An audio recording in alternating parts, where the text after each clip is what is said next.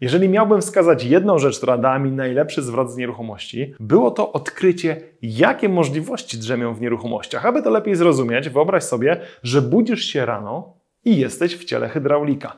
Dostajesz swoje pierwsze zlecenie, jedziesz na robotę, wchodzisz do mieszkania, żeby naprawić cieknący kran, otwierasz narzędziownik, a tam tylko młotek. Jak myślisz, jak dobrze wykonasz swoją pracę?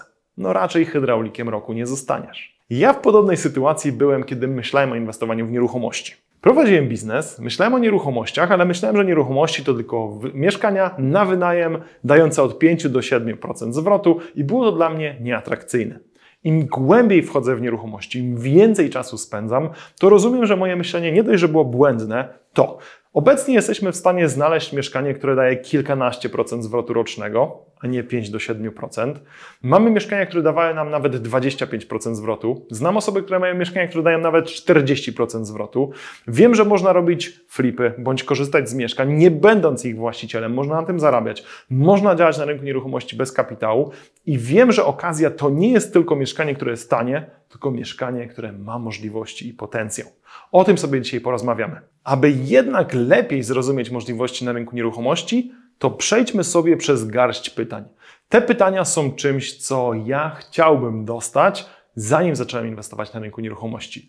Nigdy się nad tym nie zastanawiałem i uważam, że część decyzji, które podjąłem, było błędnymi decyzjami. Są to pytania, które sam chciałbym dostać, zanim zacząłem inwestować w nieruchomości, bo wiem, że uchroniłyby mnie przed kilkoma błędnymi decyzjami, jeżeli rozumiałbym, po co ja tak naprawdę wszystko to robię. Zacznijmy więc od tych pytań, a po chwili przejdziemy do możliwości. Pierwsze pytanie, które warto sobie zadać, to po co? Po co ja w ogóle myślę o nieruchomościach? Wiadomo, moglibyśmy wchodzić szczegółowo, bo chcę mieć dochód pasywny, chcę zrezygnować z emerytury, chcę mieć domek nad morzem, w górach, chcę mieć domek za granicą, chcę zapewnić więcej szczęścia, czasu, pieniędzy mojej rodzinie. Motywacja jest różna. Jednak jakbym miał to uogólnić, to bardzo często wahamy się między dwoma obszarami. Albo chcemy mieć więcej pieniędzy, albo chcemy mieć więcej czasu i tu napełniam tą klepsydrę piaseczkiem. Takie mamy motywacje. Wiadomo, można w to wchodzić szczegółowo, ale bardzo często to są te dwie zupełnie różne sprawy. No bo zobaczcie, że jeżeli ja wchodzę w nieruchomości po to, żeby mieć więcej czasu, a nagle zaczynam robić flipy, poświęcam 8 godzin dziennie, żeby zajmować się nieruchomościami i zamiast inwestować w nieruchomości pasywnie, to nagle staję się aktywnym graczem, wręcz biznesmenem działającym w rynku nieruchomości, to ja zupełnie nie spełniam swojego celu. To widzę najczęściej. Ktoś mówi tak, chciałbym mieć dwa mieszkania na wynajem, trochę więcej czasu, mniej stresu, pieniądze, które wpadają do mnie na konto co miesiąc, a nagle zaczynają działać na rynku nieruchomości. Widzą, jak fajny jest ten rynek, jakie daje możliwości, jak można się w nim spełnić i nagle mają więcej kasy, ale przecież nie o to chodziło na samym początku. Druga rzecz to, czym za to zapłacę? Jak to? Czym można zapłacić? No jak w pierwszym przykładzie, dokładnie tak samo. Można za pewne rzeczy zapłacić czasem, można zapłacić pieniędzmi. No bo zobacz, jeżeli mówię teraz do przedsiębiorcy, który bazując na poprzedniorocznym picie, albo już bazując na tych wynikach, które mamy w tym roku, zarabiasz 500, 1000 zł za godzinę średnio, no to jaki sens ma uczenie się tego rynku na nowo? Jak wybierać okazje, jak rozmawiać z właścicielami, jak negocjować z pośrednikami, jak kupić, jak wyremontować, jak to później wynająć. Jak okaże się po chwili, że ty poświęcając swój czas w nieruchomości, to nie zarabiasz, a tracisz pieniądze. I w tych sytuacjach znajdą się osoby, które zarabiają dużo, mają mało czasu, czyli wchodzą w nieruchomości po to, żeby mieć więcej czasu, i nagle okazuje się, że płacą czasem, co nie ma zupełnie sensu. Mamy wielu inwestorów, którzy zrozumieli dokładnie coś takiego zajmują się swoim biznesem, bądź są świetnymi programistami, zarabiają kupę kasy, albo nie wiem, pracują na etacie, na dobrym stanowisku, złota klatka, fajne pieniądze, ale myślą o tym, żeby mieć dodatkową stabilizację w postaci nieruchomości, chcą mieć więcej czasu, większą stabilność i płacą za to pieniędzmi. W jaki sposób? Na przykład kupując od nas gotowe mieszkanie, gdzie my znaleźliśmy, wyremontowaliśmy, wykończyliśmy i opiekujemy się tym mieszkaniem, a dla nich jest to produkt całkowicie pasywny, no może poza wizytą u notariusza przy zakupie tego mieszkania i podpisaniem z nami umowy remontowej, a następnie e, zarządzania tym mieszkaniem. Więc to są osoby, które lepiej rozumieją, po co w ogóle weszły w nieruchomości i wiedzą, czym zapłacą. Mamy też osoby, które mówią tak, ja chciałbym mieć więcej pieniędzy. W tym momencie za dużo tych pieniędzy nie mam, albo mam ok, ale chciałbym więcej i zapłacę za to swoim czasem. Czyli poświęcam swój czas. Może to być po godzinach pracy, może być w trakcie godzin pracy, jeżeli mamy elastyczne. Może to być tak naprawdę też full time, czyli zajmuję się tymi nieruchomościami na pełen etat, dlatego że chcę mieć więcej pieniędzy. Oczywiście, po pewnym czasie może się okazać, że płaciliśmy na początku czasem, żeby mieć więcej kasy. Jak już mamy kasę, to będziemy chcieli płacić kasą, żeby mieć więcej czasu. Więc może to się zmienić. Nie jest to wyryte w skale, ale faktycznie od tego zaczynamy. Trzeci punkt, mocno związany tutaj z osobami, które jednak będą chciały płacić czasem, to dla kogo? Dla kogo chcę pracować? Wiem, że utarło się, że jak kupujemy mieszkania na wynajem, robimy to na swój rachunek. Jak robimy flipy, robimy to na swój rachunek. No ale wiem, że często ten kanał oglądają osoby młodsze, 20 parę lat, które jeszcze nie rozpoczęły swojej przygody biznesowej i one mówią, no tak, ja nie chcę otwierać teraz biznesu, ja nie chcę jeszcze wszystkiego robić, chciałbym pracować dla kogoś. No bo zobacz, jeżeli jestem pośrednikiem, mogę pracować w biurze pośrednictwa. Jeżeli jestem sorcerem, czyli osobą szukającą okazję, mogę pracować konkretnie dla jednego inwestora i dla niego szukać.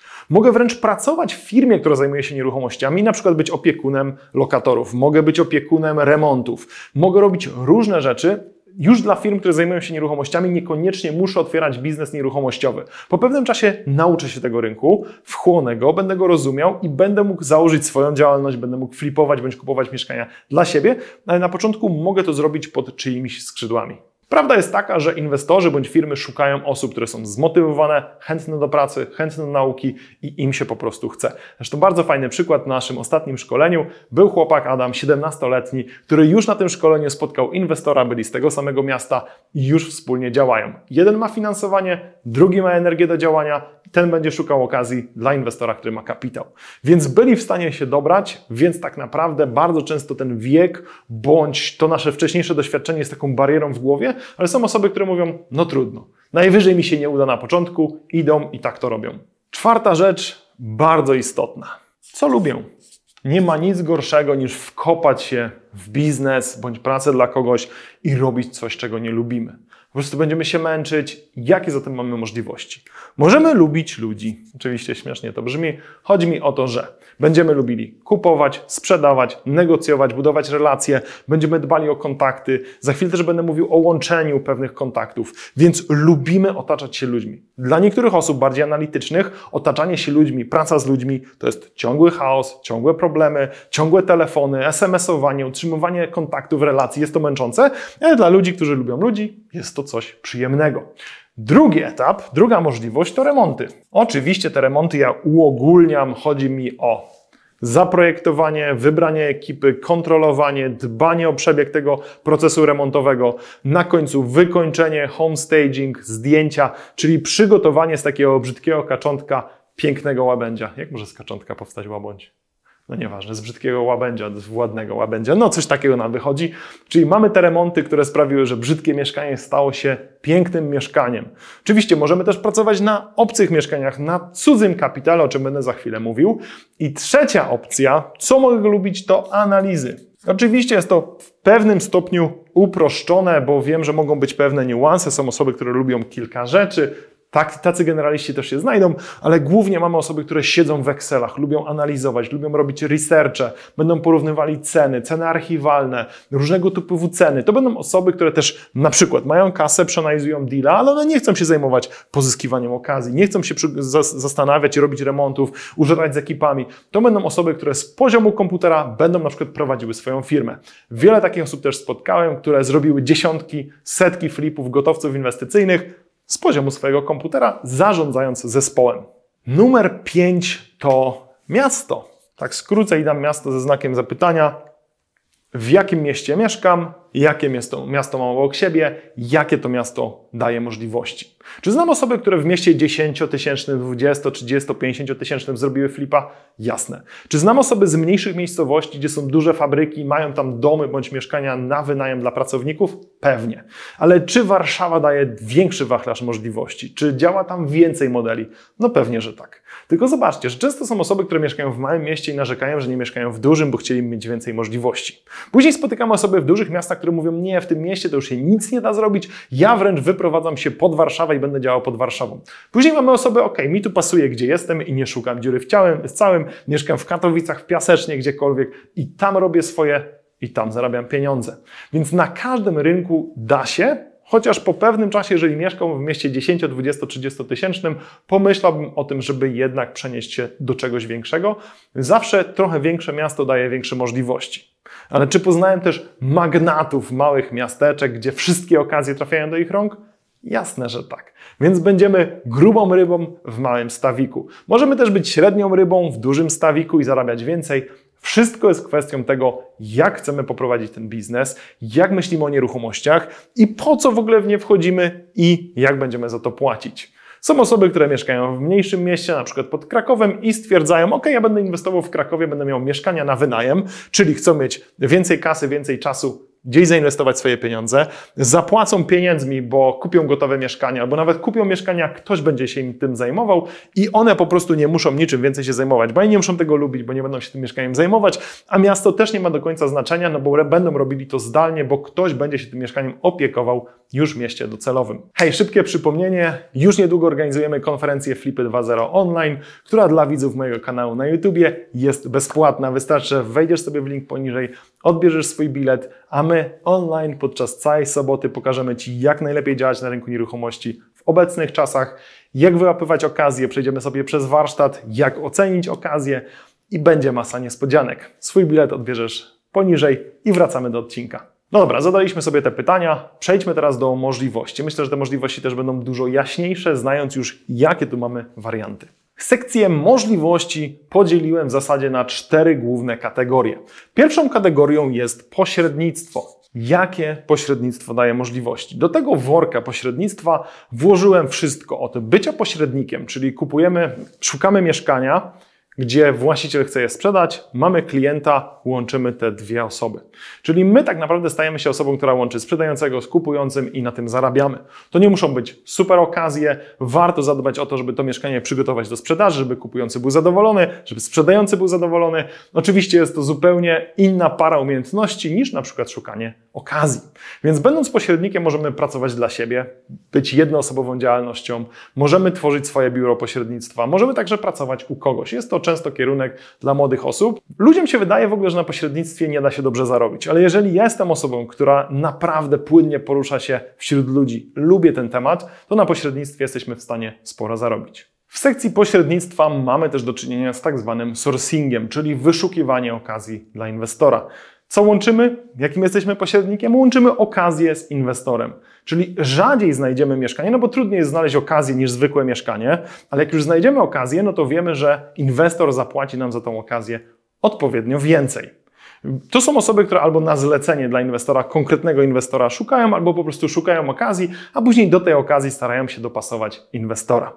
Trzecią opcją jest tak zwane łączenie kropek. Możemy łączyć kropki w postaci kontaktów, czyli na przykład mam agencję pracy, które mają, obsługują fabryki w okolicy, znam właścicieli mieszkań bądź domów w okolicy, jestem w stanie te kropki połączyć, żeby pracownicy z tych fabryk mieszkali w tych domach. Jestem w stanie wtedy dostać prowizję za połączenie takich osób. Co więcej, to wszystko brzmi jak praca operacyjna, bo mamy i pośrednictwo, szukanie e, mieszkań, okazji, bądź łączenie kropek, ale są też osoby, które bardziej strategicznie się ulokują i tak naprawdę nie jest tu dużo pracy. Na przykład znam dewelopera, który chce sprzedać całe osiedle albo kilka budynków, znam fundusz inwestycyjny, który chce coś takiego kupić, łączę kontakty i za to jestem odpowiednio wynagrodzony. I w tym momencie 1 czy 2% z kilkuset milionów złotych tworzy całkiem pokaźną sumkę. Jednak, bazując na tym, jak spoglądam na pośrednictwo, w większości wypadków pośrednictwo jest to praca operacyjna, gdzie płacimy czasem, żeby zarabiać więcej pieniędzy. Numerem dwa jest zarządzanie. No i oczywiście zarządzanie ma też wiele smaków. Od opieki nad klientem, najemcą. Czyli pracuję w firmie zarządzającej nieruchomościami, opiekuję się najemcami, w sezonie wynajmuję mieszkania, pokoje, i tym się zajmuję. Czyli pracuję dla kogoś, nie biorę zbyt dużo odpowiedzialności, mam jakieś swoje konkretne zadanie. Po pewnym czasie jednak stwierdzam, że jest to na tyle proste, że zakładam swoją firmę zarządzającą nieruchomościami i w tym momencie już opiekuję się mieszkaniami, i inwestorami. Ja akurat w tym wypadku mamy znowu dwie drogi, albo zarządzamy zwykłymi mieszkaniami zwykłych ludzi, którzy nie myślą nawet o tym mocno inwestycyjnie, albo skupiam się na tym, żeby tylko i wyłącznie obsługiwać mieszkania inwestorów, bo zakładam, że osoba z dużym portfelem nieruchomości na wynajem może być mniej roszczeniowa, oczywiście w zależności od tego, jak zarządzasz, to będą albo problemy, albo tych problemów nie będzie, ale przejmujemy rolę osoby, która opiekuje się już całymi mieszkaniami. Jeżeli chodzi o zarządzanie, mamy też taką hybrydę, bardziej nazwałbym to zarządzaniem z gwarancją czynszu. Mam właściciela, którego interesuje konkretna kwota za to mieszkanie, jest zmęczony tym najmem, mieszka daleko, miał problemy z lokatorami i my zamiast zajmować się tym, e, tą nieruchomością w postaci zarządzania, robimy tak zwany podnajem. Czyli mam takiego właściciela, który jest zmęczony. Chce za to mieszkanie 2000. Ja wiem, że to mieszkanie jest na tyle duże i fajne w okolicy dużej uczelni, że jestem w stanie wynająć to studentom i dokleić do tego dodatkowe 2000. Czyli mam mieszkanie za 2000, wynajmuję na osobne pokoje, oczywiście to mieszkanie odświeżam, odpowiednio wyposażam i doklejam do tego 2000 dodatkowe. Czyli właściciel zarabia 2000, my zarabiamy 2000 i tak naprawdę jedyne, co właściciela interesuje, to ten przelew każdego miesiąca. Jeżeli chodzi o zarządzanie, możemy też zarządzać ludźmi, firmom, ekipami remontowymi. Mam tu na myśli opiekunów remontów, koordynatorów wszelkiego typu, więc my nawet nie musimy działać w nieruchomościach jako inwestor, możemy pracować u kogoś i rozwiązywać jego problemy. Bo na koniec dnia warto zadać sobie pytanie, jakie ja mam kompetencje, jeżeli chcę pracować dla kogoś i jaki problem mogę mu rozwiązać. Patrząc na osoby, które mają grubsze portfele, większe firmy, to dla mnie po prostu najchętniej jakby żadne problemy do mnie nie docierały, żeby wszystko zostało załatwione na etapie koordynacji, czy ludzi, czy najemców, czy remontów, czy pozyskiwania mieszkań i będę z tego zadowolony. Numer 3 to wszelkiego typu flipy, czyli obrót. Obrót, flipy, często mylnie nazywane inwestowaniem w nieruchomości i ta sekcja moim zdaniem daje najwięcej możliwości. Te możliwości z grubsza rozpiszę, żebyśmy też to zobaczyli, ale Osoby zajmujące się flipami, w ogóle w całej tej koncepcji, sprowadzamy to do tego, do jednej rzeczy. Znajduję takie mieszkanie, które mogę sprzedać drożej. I teraz jak to sfinansuję? Z kim to zrobię? Co w tym mieszkaniu zrobię? Jak to będzie wyglądało od kuchni i komu to sprzedam w jaki sposób? To wszystko sprawia, że we flipach mamy tak naprawdę masę możliwości. Masę możliwości różnego typu. No bo zobacz, jeżeli weźmiemy pod, na przykład finansowanie, no to obrót możemy realizować pomo za pomocą kredytu, na przykład Limit na koncie, kredyt hipoteczny. Możemy zrobić to z inwestorem pół na pół. Oczywiście tutaj warianty są różne. Czasem to jest podział zysku 20-80, 30-70, czasem 50 na 50. Jedna osoba realizuje całego flipa od początku, od znalezienia, przez remont, przez sprzedaż, a druga osoba jako inwestor pasywny to po prostu finansuje. Dzielą się na końcu zyskiem. Możemy zrobić tak zwanego flipa hybrydowego. Tutaj tą nazwę e, zapoczątkował u nas w grupie Piotr Najzer, zresztą dla naszych absolwentów nagrywaliśmy całego live'a wraz z umową, którą można podpisać wpisać, ale model, który znany jest na przykład w kamienicach albo deweloperce. Jestem deweloperem, widzę, że ktoś ma fajny grunt, dogaduję się z nim, że w zamian za ten grunt on go wkłada do firmy, tam budujemy, w zamian za to ten właściciel dostanie kilka mieszkań. Jak już wybudujemy ten budynek w kamienicach, właściciel daje kamienicę, my ją rewitalizujemy, dzielimy na mieszkania, sprzedajemy, dzielimy się zyskiem.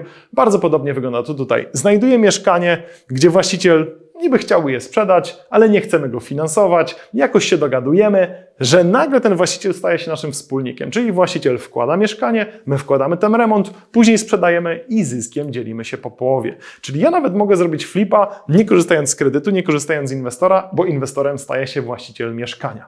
Jeżeli chodzi o obrót mieszkań, mamy też różne koncepcje, co z takim mieszkaniem można zrobić.